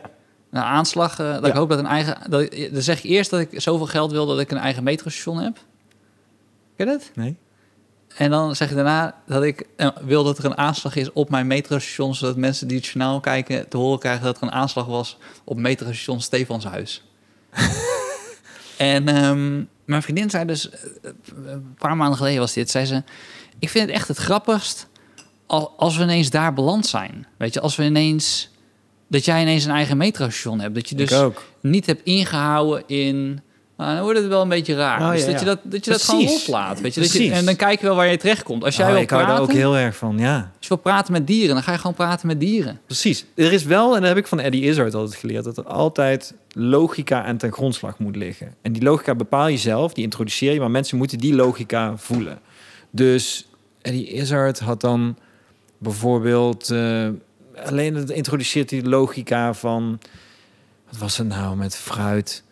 Dat het altijd moet je aan de onderkant checken. Oh ja. Als ze, als ja. rot, weet je wel. En dan was er bepaald fruit. Ofwel die appels of die peren die in één keer verrot waren of zo. Oranges, eh, fucking oranges. En dan ging je daar heel lang op door. Of ehm, zo'n eh, zo'n vrouw die, die eh, met zo'n haarnetje of zo had die... Want ze zijn bang voor de haardieven, weet je wel? Eh, Ja, ja, die ja, dingen- ja, de logica is dat je heel veel van die mensen kent met zo'n haarnetje. Die oudere vrouw. Waarom dragen ze haarnetjes? Niemand weet dat precies. Ja. En introduceert hij de logica van de haardieven. En dan gaat hij daarop door. Dus er moet altijd wel een soort ding zijn waarin je mee kan gaan. Maar dan kun je fucking weird worden. Maar het duurt echt lang, man. Voor de, ik heb, en dat hadden we met Theo over. Ik, ik heb denk echt fucking tien jaar daarover gedaan. Ik denk dat ik echt na mijn dertigste pas mijn stem heb gevonden. Dus dan hebben we het over 15 jaar. Toen ik hier als 15-jarige binnenkwam, dat ik pas na 15 jaar dacht bij mezelf: Oh ja, ik moet gewoon de momenten dat ik gewoon over straat loop en dan gebeurt iets en dan gebeurt niet wat ik dan bedenk in mijn hoofd, maar dat ver- vergroot ik dan uit en dan verzin ik gewoon dat dat wel gebeurd is. Dat moet ik gewoon gaan vertellen. Want daarvoor was het helemaal van: Oh, dit is een boerkaverbod. Dus ik moet een stuk maken over het boerkaverbod. Snap je wat ik bedoel? Hmm. Of als ik dan. Nu eh, heb je dat niet meer. nu heb ik het helemaal niet meer. Ik heb helemaal losgelaten dat ik denk dat ik maatschappelijk iets wil zeggen. Omdat ik merk, als ik mijn stuk schrijf... en binnen dat stuk wil ik blijkbaar iets maatschappelijks zeggen... dan komt dat er wel in te zitten. Precies. Terwijl als ik er echt voor ga zitten en denk bij mezelf... oh, dat boerkavol, dan moet ik echt... eh, wat vind ik daar nou van? Nee, wat voel je gewoon? Wat voel Precies, je iets? precies, als je wat voelt, Ja. dan komen Ja, die- ja, ja. Je, je, je hersenen komen er altijd wel bij. Want die, Ja. die schrijven het uiteindelijk uit. Ja. Ah, ja. Dus als je na gaat denken, als je vanuit de hersenen begint. En dat heeft me zo lang geduurd, jongen, voordat ik eindelijk. Ja, maar Richard Pryor zei toch ook dat na tien jaar begin je pas een beetje te snappen wat je aan het doen bent. Ja. Dat duurt tien jaar. Ja. Ik had dat met mijn boek. Dus dat, ik had dat, eh, de korte verhalenbundel geschreven. Ja. En dat was eigenlijk, dat zijn allemaal fucking weirde verhalen. Weet je, het is allemaal, gaat alle kanten op. Dan heb ik ineens. eh, eh, eh, eh, een verhaal is dan eh, schematisch. alsof de Ark van Noach een ehm, entertainment programma had voor van maandag tot en met zondag. En dat was dan een soort van flyer wat ik dan als verhaal had uitgeschreven. En soms zit ik zo wel eens terug te luisteren. En ik ben mezelf, als mijn gedachten ook die kant op gaan, dan kan ik het ook veel meer die kant Ja. op gooien als ik op het podium sta. Ja. Dus dat boek heeft me heel erg geholpen. Ah, ja man, vet. Van, oh je- ja, laat, laat Maar het dat maar is dus eigenlijk veel natuurlijker eh, jouw stem of jouw gedachtentrand of jouw wereld. Eh, en dus denk je dat, dat is mijn vraag eigenlijk aan jou, omdat je hebt eigenlijk ontdekt in de jaren van, je moet een bepaalde mate van scheid hebben aan wat je bedenkt dat mensen verwachten, of wat je denkt dat zou kunnen scoren, omdat het actueel is, of omdat er maatschappelijk iets speelt of zo. Je zegt van ik focus op mijn gevoel. Denk je dat er, als je nou nog ouder wordt, dat er nog een niveau van scheid hebben boven zit? Dat je denkt dat het nog verder kan? Denk je dat je daarin kan groeien? Dat je nog meer los komt staan van eh, Ik, ja, ergens hoop ik het wel. een beeld wat jij hebt, dat er van je wordt je- verwacht? Ik, ik hoop vooral elke ochtend dat ik opsta, dat ik denk bij mezelf... Oké, ik ben benieuwd wat mijn creativiteit vandaag met me gaat doen. Dat vind ik, ik geniet er gewoon van. Ik geniet er gewoon van dat ik die gedachten heb. Heb dat je ik dat dat los... dagelijks bijna? Nou, dus vandaag had ik dus bedacht dat ik... eh, dus, eh, ik, ik had een filmpje van Jens gezien dat hij zo aan het schreeuwen is. Ja, zo'n YouTube-kanaal. ja. En, en ja, daar kan ik heel de dag van genieten. Dat ik dan denk bij mezelf... Zou ik iemand kennen die Caroline, Caroline Tense kent? En dat ik een parodie maak en dat heet dan Tense. En dat is exact hetzelfde, maar dan Caroline Tense doet dan alleen maar complottheorieën op internet. Mhm. En denk bij mezelf, ah, dan geniet ik echt van mijn Ja, dag. Kan ik gewoon, ja. En misschien ga ik het nooit maken, weet je. Precies. Maar je geniet Maar- wel van die creativiteit. Ja, ik geniet gewoon. En, dan, en dat geef ik dan eraan. Dan ga ik niet nadenken van, oh, wat zegt dat over mij? Ah. Of wat wil ik ermee? Laat het ontstaan. Maar ik denk dat we ergens wat hetzelfde hebben gehad hoor. Want jij, jij hebt eh, natuurlijk ook zo'n moment. Ik durf, ik durf eerlijk, maar dan zal ik eerst eerlijk zeggen hoe het bij mij eh, zo'n moment was. Dan moet je maar zelf kijken of, hoe, hoe je, hoe- wat jij erover wil, wil zeggen hoor. Maar ik weet dat op een bepaald moment keek ik naar mezelf op het podium. En toen dacht ik bij mezelf: Godverdomme, Steve, jij kan gewoon altijd een 7,5 spelen. Dat is wat je doet. Je speelt gewoon een 7,5. Dus je gaat gewoon op, je speelt een 7,5 en gaat af. En dan, en dan gaan mensen naar huis. En dan denken ze mensen: Nou, was wel leuk. En ik bij mezelf: dit is, je moet gewoon een 10 of een 2 spelen. En alles ertussen is gewoon kut. Dus je mag gewoon nooit meer voor die... En dat is ook... eh, We hebben het best wel vaak hier achter ook over gehad. Ik merk het zelfs... Ik, ik heb het gevoel dat jij het zelfs hebt herkend bij mij. Dat als ik af en toe weer terugval en dan een 7,5 speel... dat je zegt, hé, hey, was niet scherp, man. Dit is niet... Ja. En dat is ergens een paar jaar geleden gebeurd. Dat ik dacht, ik kan ik, ik moet gewoon mijn eigen ideeën ownen en daarvoor gaan staan. En niet een soort van stap naar het publiek maken en geven zoals Ja. zij het willen hebben. Want dan gaan we een 7,5 spelen en dan zijn we alle twee tevreden. Maar tevreden als in bij mij een tijdje en dan loop Tijdje. ik... En dan zie ik de teleurstelling in jouw ogen over Precies. jezelf. Ja, precies. Maar goed, dat, is- nu vul, ik het een beetje voor je in hoor. Maar dat is mijn vraag dus richting jou. Eh, Ja, ik heb wel altijd best wel een goed gevoel gehad voor wat ik zelf grappig vond. Ja, Eh, en ik nam vanaf het begin hier in Comedy Train ook best wel risico's. Als het ging over welke onderwerpen ik... Ik had zo'n heel stuk over gehaktballen. Die ik dan ook bij een snabbel deed. Voor Philips top mensen. Viel helemaal kapot. Maar ik, ik had alleen maar mijn stukje over gehaktballen in een pan. Dat die grote altijd die kleine wegdrukken en zo. Ja. Nou, in ieder geval. Dus ik, en dat was heel belangrijk voor mij, die onzin Ja, ja. en die dingen. En dat had ik, heb ik vanaf het begin eh, heb ik dat altijd wel gehad. ja. En ehm, ik had ook best wel vanaf het begin bij Comedy Train eh, best wel scheid ook aan wat andere eh, comedians dachten. Ik luisterde wel. ja. En ehm, dus ik had wel een redelijk goed kompas. Alleen ik had een paar, ik denk eh, anderhalf jaar geleden ook weer een, nieuwe, een nieuw niveau van verveling met mezelf. En toen heb ik geluisterd naar een andere podcast van Pepijn Schoneveld, die Raoul Heertje eh, interviewde. ja. En eh, daar had ik heel veel aan, omdat Raoul vertelde in die podcast. En daar heb ik ook wel contact met hem over gehad. Van, het ging over dat je echt eh, het grappen maken even losliet. En in jezelf ging voelen wat er aan de hand was. En dat super eerlijk ja. eh uiten. Dat kan gewoon alleen op je kamertje in een bestandje in je computer. Dat gaf je Maar mij je, toen ook ja, ja, maar dat je rete eerlijk gaat zijn over wat er in je speelt. Ja. Aan angsten, aan frustraties, aan zorgen, aan blijdschap, aan geiligheid, aan een fantasie, aan alles gewoon. Alles uiten. En van daaruit grappen gaan maken. Kan nog steeds super absurdistisch zijn. Ja. Alleen dan is het ge, ge- gegrond, geworteld in iets heel waarachtigs. En voor- Raoul had altijd super goed door wanneer het geworteld was in iets waarachtigs of niet. En ook of je het vertelde op een manier die aan de hand was in de zaal. Die twee dingen was hij heel erg goed in.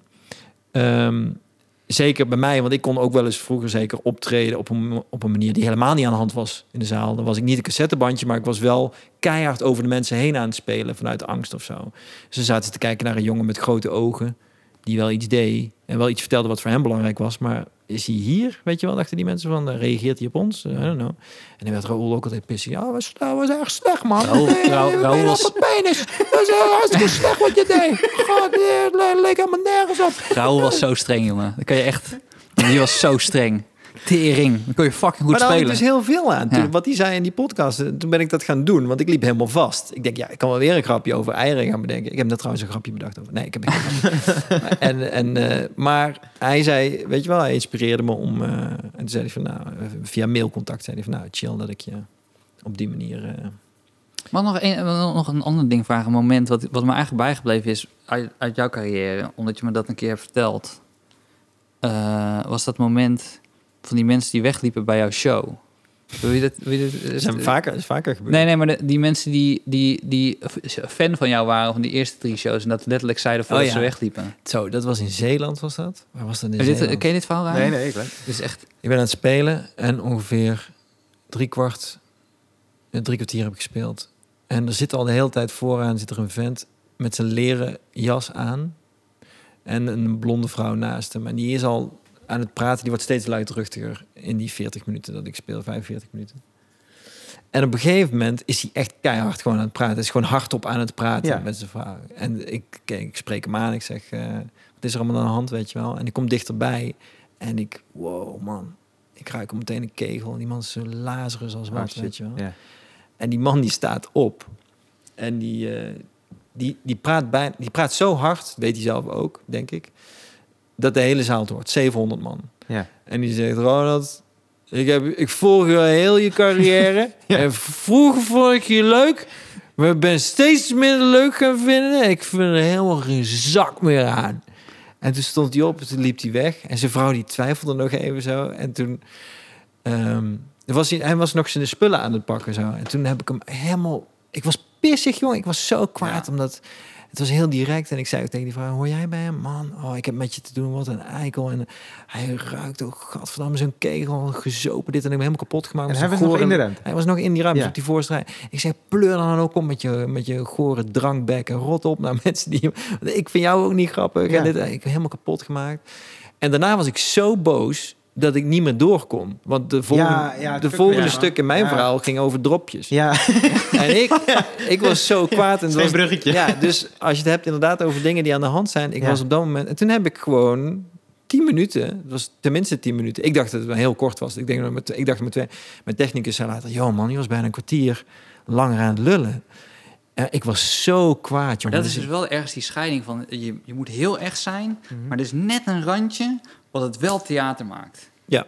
Want het is zo, dat anders is Ja, het zo zelftherapie. Ja. Daarom, daarom ga- wil, ik, wil ik het over hebben, omdat je dan... Nou, ik zat op het, op het randje daar hoor. Op dat moment was Ja. het echt gewoon. eh, want ik was echt. en Mensen voelden. Nou ja, mensen voelden dat ik pissig was. Ze voelden wel dat er iets aan de hand was. Maar ze dachten uiteindelijk dat het erbij hoorde. Hoorde Ja. ik achteraf. Maar eh, ik heb het kennelijk toch allemaal wel kunnen vertalen naar iets wat presentabel was. ja en je tijd van- daarvoor genomen. Dat vind ik heel knap. Dat ja, je ik dus, kon niet anders. Ik Nee, kon niet door. Het zat in één keer zat het me zo hoog. Ik heb dat nog nooit gehad hoor. Ik heb daarna ook nooit meer gehad dat ik het ook bijna niet onder controle had. Maar ik En was was het- zo pissig. En wat deed je in die tien minuten? Ik heb gewoon over dingen zitten riffen, over dingen die, ik me, die niet uit kon staan, over mensen die ik niet uit kon staan. Ik heb Is mensen. daar nieuw materiaal uitgekomen? Nee, volgens mij niet. Kun je nagaan. Ja. Dat was waarschijnlijk nog lelijk ook. het was goed getimede, lelijke, lelijke shit. Ja, Nou, maar dat raak je me. Als, als het, ik heb liever dat iemand mijn klootzak noemt, dan Ja. dat hij echt... Eén keer, het enige bericht wat me echt een keer heeft geraakt op social media, een soortgelijk bericht was het met... eh, Er stond er iemand eh, van... eh, ik, eh, oh ja, net de paar, eerste paar clickbait filmpjes kwamen toen uit. Dus dacht ik, ik probeer wat anders. Probeer mezelf te vernieuwen. Dat is eigenlijk rond dezelfde periode. Weet je, dat ik ook dacht bij mezelf, kijk, ik moet wat anders gaan doen. Ik moet er vol voor gaan. En niemand dacht dat ik een sketchprogramma van de grond zou krijgen. Maar ik dacht, fuck it, ik ga het gewoon doen. Ehm, toen kwam er ergens een berichtje in het begin en dat heeft me zoveel pijn gedaan. Stond zo, ik ben, ik ben eh, al zo lang fan van Stefan, maar ik ben de afgelopen paar, paar jaar zo teleurgesteld geraakt in de keuzes die hij maakt in het maken van comedy, dat ik denk dat het hem niet meer gaat worden. En, en daar heb ik, ik denk, ik, noem me gewoon klootzak. Dat is echt Ja, veel precies, makkelijker man. Ja, voor ja. mij om te verwerken. Of zeg niet grappig. En Niet grappig, ja. Ja. Ik, heb, ik heb één keer gehad, die deed ook echt pijn. Ik had een uh, try-out en eh, het ging gewoon... Je weet zelf ook wel hoe je hebt gespeeld, toch? Ik wist wel, Ja. het was echt een goede try-out, toch? Ja. Dus eh, er is wel een dingetje uitgekomen. Eén ding dat ik daar probeerde, daar ben ik dan wel trots op zo'n avond, toch? Bij een Ja, try-out. Maar zeker. verder was het gewoon een kut try-out. Ja. En er waren twee meisjes. Na afloop was ik zo in de foyer. En iedereen die ik dan sprak, die had een beetje zo... Ja, het was een leuke avond. En ja, ik ben benieuwd hoe het is als het af is. Ja. En verder heb ik... en op een gegeven moment zo die twee, twee vrouwen. En ik, ik loop er zo langs. En een van die vrouwen zegt... Ik vond het niet leuk. Ik dacht, wow, want het is zo geconf- Ik werd echt Ja. geconfronteerd met en wat ik zelf vond ervan. Ja. En dat iemand het gewoon straight in je gezicht zei. Ja. Terwijl ze, ze, ze had ook volgens mij besloten van... ik ga er gewoon zo vol in. Want Ja. zij zat op de tweede of derde rij. Ik heb ze wel gezien. En het was niet dat ze de hele tijd zo een beetje boos aan het kijken waren. Nee. Dus die vriendin daarnaast had ook zoiets van... wat is dit nou?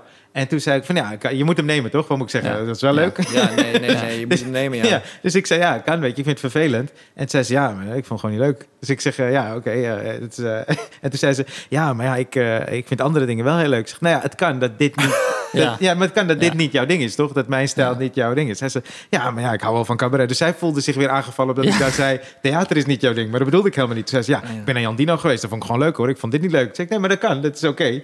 Maar het deed wel echt pijn. Omdat, Ja, weet je, je, Ja. ik wil op dat moment gewoon naar huis rijden, dan een vriend bellen en dan zeggen dat het niet leuk was. Ja. Maar Maar je staat daar toch zo kwetsbaar. ja, ja, ja, dat is wel heel eerlijk, maar toch. Ik ben echt wel een beetje geïnspireerd geraakt weer recent door Bill Hicks. En ik zit nou die, die, eh, die andere versies van die Flying Saucer Tour zo te luisteren op Spotify. En dan denk ik van damn.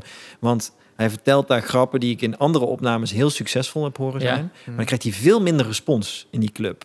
Ergens, ik weet niet, ergens in het zuiden of zo. Ik weet, het is niet Texas, misschien. Nou ja, weet ik niet. Maar in ieder geval, er zitten ook avonden bij dat hij zichzelf neersabelt op momenten dat het helemaal niet hoeft. Er zit ruis bij. En, en toch is er bij hem een soort basis van zijn overtuiging over waarom hij vertelt wat hij vertelt, die groter is dan de grappen. Ja. Ja, En dan denk ik van, en daar komt ook zijn hele houding en een beetje die, die swagger vandaan Ja. en die arrogantie die hij heeft. En, en toch is dat inspirerend, omdat je denkt van je moet gewoon gaan staan voor je shit gewoon. Dat is Al- als, al als je iets maakt. je nonsens. Maar, ja. ik denk dat dat breder is dan gewoon comedy. Het moet Ja, gewoon, niet uit wat je doet nu als luisteraar. Is, het- is ook, ja, je, zal, je moet het ownen. Anders moet je gewoon mee stoppen. ja, ja, dat is ding. Dat vind ik zo fijn trouwens aan optreden nu. We hebben de afgelopen week twee keer eh samen gespeeld, ja, ja, ja. Dat, eh, Voor eh, 30 man. Voor 30 man. En voor die 30 man, je kan niet echt spelen op een lach of zo. Toch? Dus je, Nee. je, moet- je moet eigenlijk... Ik heb het idee dat als je nu speelt, sta, je- moet je nog meer staan achter wat je zegt. Ja, zeker. Waardoor je ook weer anders gaat spelen. Eigenlijk beter, vind ik. Ik ook. Omdat je echt denkt, dit wil ik vertellen, man. Eh, Jammer als het niet werkt. Dan, Ja, ik ga daar niet op rekenen nu. Ik ga er niet verwachten. nee. Maar- heb hetzelfde. Wij hebben eh, de questionnaire. Ja, ik had, ik Oh, had nog een paar shoot. dingetjes, maar die, die, die, die ga ik gewoon naar volgende week. Want ik, had, ik wilde Ik vertellen over Robert Jensen, die ik aan het trollen was. Maar eh, die, die gooi ik gewoon naar volgende week. Want laten we, laten we die questionnaire even doen. Yes. Eh, want eh, Inside the Actor Studio eh, had altijd een questionnaire. Oh ja, ja, ja. en die heb ik dan overgenomen eigenlijk. Dus laten we meteen beginnen. Wat is je lievelingswoord? Oh, ik denk antropomorfisme.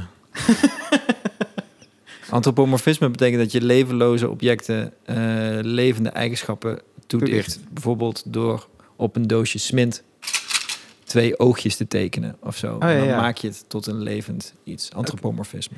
Wat is je minst favoriete woord? Oh. Minst favoriete woord. Ik weet niet of ik echt een minst favoriete woord heb. Het zijn vaak dan wel ziektes, geloof ik, of zo. Of Mhm. waar meteen een plaatje schurft of zo. Waar zo'n plaatje bij zit. Oh ja, ja. Ja.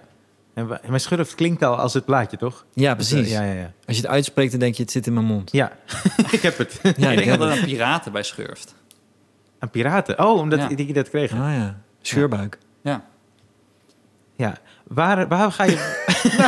Ja, ja. ja, ja. waar ga je van aan? Dus waar, waar raak je door geïnspireerd? Creatief of spiritueel, emotioneel? Waar ga je van aan? Eh, soms van die self-help boeken. Ja. Eh, hele vette films met Ja. goede, goede muziekmontages. Eh trainingsscènes. Ehm, goede. Ik ben laatst door een. eh, een ik luister nooit hardcore Muziek. muziek. Maar ik ben laatst door het advies van eh, een, eh, een vriendin ben ik eh, hardcore gaan luisteren. Mhm. En toen ben ik gaan rennen met hard. Ik heb mijn beste tijd ooit gerend. En ik voelde ook dat er een frequentie in mij werd geëvenaard. Met wat ik dacht eerst, dit is super domme muziek. Ja. En toen ging ik echt luisteren. En het is die muziek die Marijn Schot wel eens eh, nagedaan van... Oh ja bom, bom, bom, ja. Weet je, de hele tijd hetzelfde. Ja. Maar dit was toch dan creatiever of een betere versie daarvan of zo. En ik ging, ik ging in één keer aan, jongen. Ik dacht oh, in één keer zo van, wauw, dit is... Ik dacht dat ik overprikkeld zou zijn binnen twee minuten. Maar ik heb die heel het Vondelpark kapot gereden. ja. Ik hoorde dat dat de, eh, een grote irritatie is bij mensen nu. Dat mensen dus hardlopers en ehm, wielrenners... die hebben allemaal een app. Weet je? Dus die hebben allemaal, want jij zegt het beste tijd halen met die muziek en zo. Dus die willen altijd hun beste tijd Mhm. halen. Maar die spelen dus eh, digitaal een spelletje, waardoor ze dus fucking asociaal aan het doen zijn in het verkeer. Oh ja, Dat is ze toch- hun tijd Want- willen ja, ze willen hun tijd verbeteren. Ja. Nou goed. En eh, waar, waar ga je van uit? Dus wat, eh, Eh, wat vind ik demotiverend Ja, en ja. zo? Wat, ga- waar ga ik van uit? Oh. mm, eh, het gros van eh, wat er op televisie is eh, in Nederland. Gewoon eh, heel veel... eh, de, de pulp en de troep die je ziet op de Nederlandse televisie, daar ga ik echt van uit. Ik kan daar niet naar kijken. Het doet echt bijna fysiek pijn als ik het fantasieloze eh gezeik zie wat er in formatvorm in Nederland te zien is. Dus dan heb je het ook over talkshows en allerlei, eh, weet ik veel, eh, nou, de grote formules. mhm. Daar ga ik helemaal van uit. Alles met een jury erin. I don't care.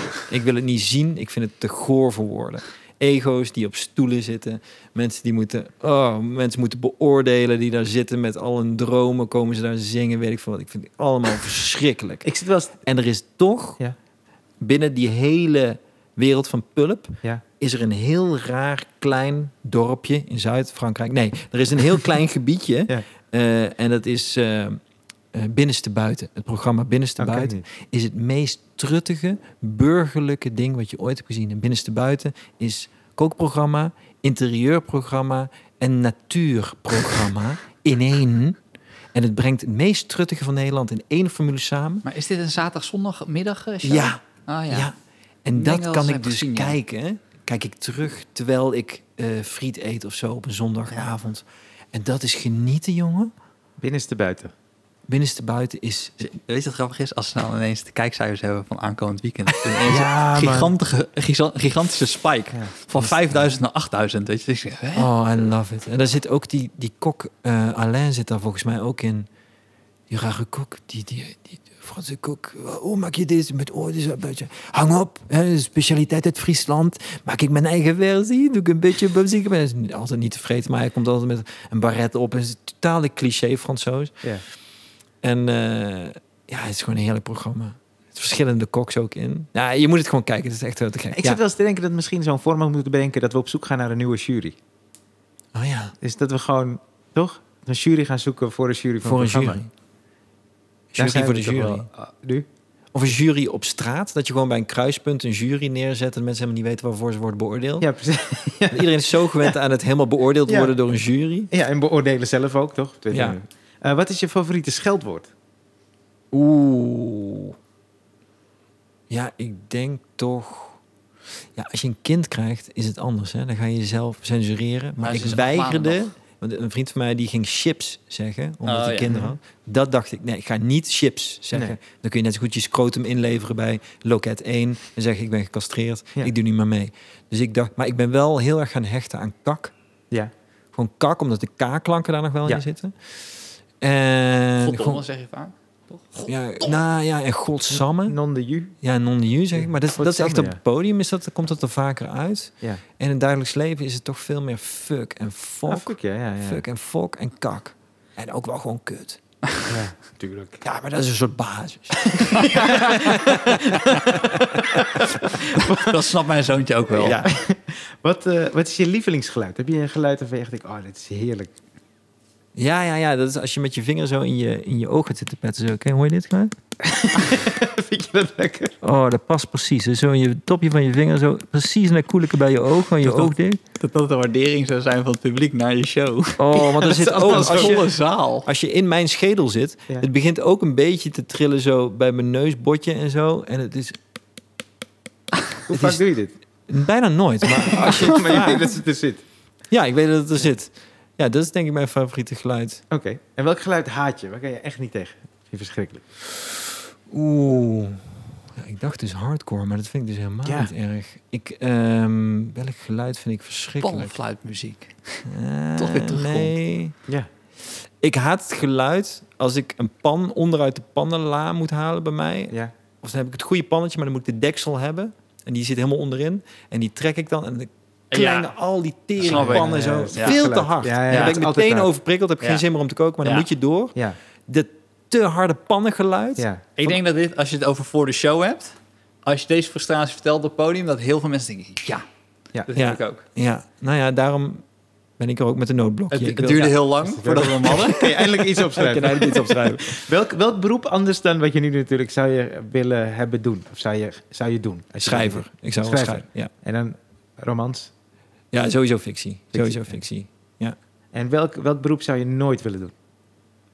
Oh, zoveel. Ehm, ik zal je zeggen wat ik heel erg eh, bewonder heb ik laatst ontdekt als beroep. Ik zit nou, kijk mijn vriendin, een beetje zo'n eh, een reality serie over ambulancepersoneel. Mhm. Die mensen zijn, dat is ongelooflijk wat die doen. Ja. En, eh, En rustig blijven, hè? Dan Rustig. Dat- dat en humor met elkaar. Ah, en ja, ja, zij staan buiten de maatschappij. Want zij doen iets wat niemand begrijpt. Wij, wij hebben ook wel een beetje iets dat wij iets doen wat niemand echt begrijpt. Niemand gaat zo voor de leeuwen als wij, toch? Voor duizend man, 1500 man of voor 30 man Nee. maakt eigenlijk geen fuck uit. Tenzij je het zelf doet, weet je niet wat het is om daar te staan. Alleen ons werk doet er ietsje minder toe dan mensen redden. Ja. Die gewoon, wat je ziet in die serie, gewoon echt gewoon reanimaties. Dat je denkt, nee man, dat kan niet. Zitten ze na terug in die, in die ambulance en dan zie je ook hoe ze door het verkeer rijden. Ja. Dat is gewoon Grand Theft Auto Ja. in Ja. real. is niet te geloven. Ik snap, Ja. het, ik snap die rust ook niet. Dat je niet gewoon denkt, op een bepaald moment, zeker als ze die helikopter hebben, dat ze niet denken, we zitten gewoon met een gast die bijna doodgaat. Ja. Ja. In een fucking helikopter Ja. en we moeten zo snel mogelijk naar het Ja, Ja, ziekenhuis. voor hun is het werk. Ja. Voor hun is het werk. Het is Alles werkt. fascinerend om te zien. Welk werk ik niet zou willen hebben, ja, is toch gewoon die eentonige accountant shit. Want ik heb vroeger wel eens een baan gehad. Ik heb één keer, ik heb één dag gewerkt als administratie, administratief medewerker. Was wel uitzendkracht, maar toch ging ik naar de kantoor, was in Eindhoven bij de ABN AMRO. En toen lieten ze mij de mappen zien die ik moest organiseren.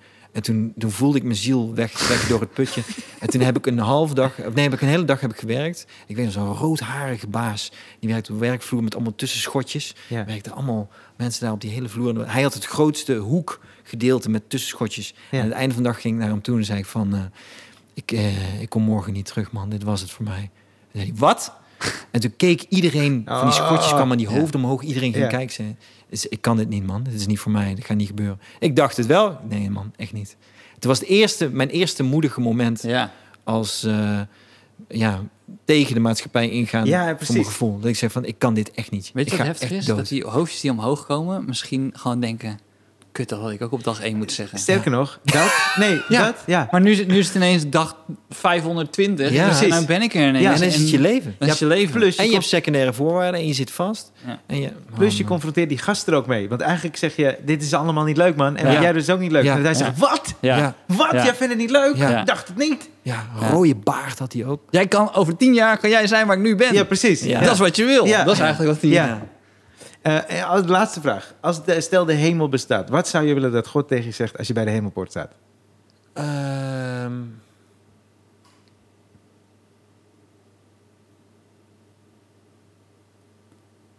Moeten- ehm, ik hoop dat je iets hebt geleerd. Ben je klaar voor de tweede ronde? Vet. Cool.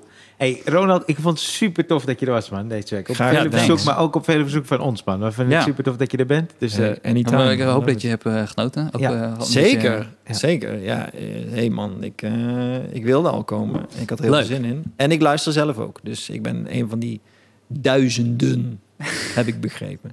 Ja, Dit was aflevering 18 eh, en volgende week weer met z'n En daarna hebben we alweer twee gasten. Ja, ja. we, ja, hebben ja. al, we hebben al vooruitgepland. Ja, weet je, keer. we, we gaan het niet de hele tijd... Want we verklapten het eerst. En toen moesten we dus gasten switchen. En dan kregen we dus berichtjes van... Hé, hey, waar, is, waar is hij dan? Maar ze komen allemaal. Ja, ze Alle komen gasten allemaal, die we hebben aangekondigd. Maar je gaat nu niks aankondigen. Nee, of Ja. moeten we het wel doen? Nee, Wat vind jij. Ronald? Ja, ik ben wel nieuwsgierig, maar als jullie niet willen, jullie weten wat jullie willen. Eerst volgende de gast. Casper. Casper vandaan. vandaan. Ja, Ja. dope. Ja. En Tim Fransen Maar- komt ook nog. ja? Ja. we mogen niet zeggen? Fuck it. nou, laten we een strik om 18 doen. En dan gaan we gewoon lekker volgende week weer door. Yes, tot volgende week. Tot volgende week. Doei.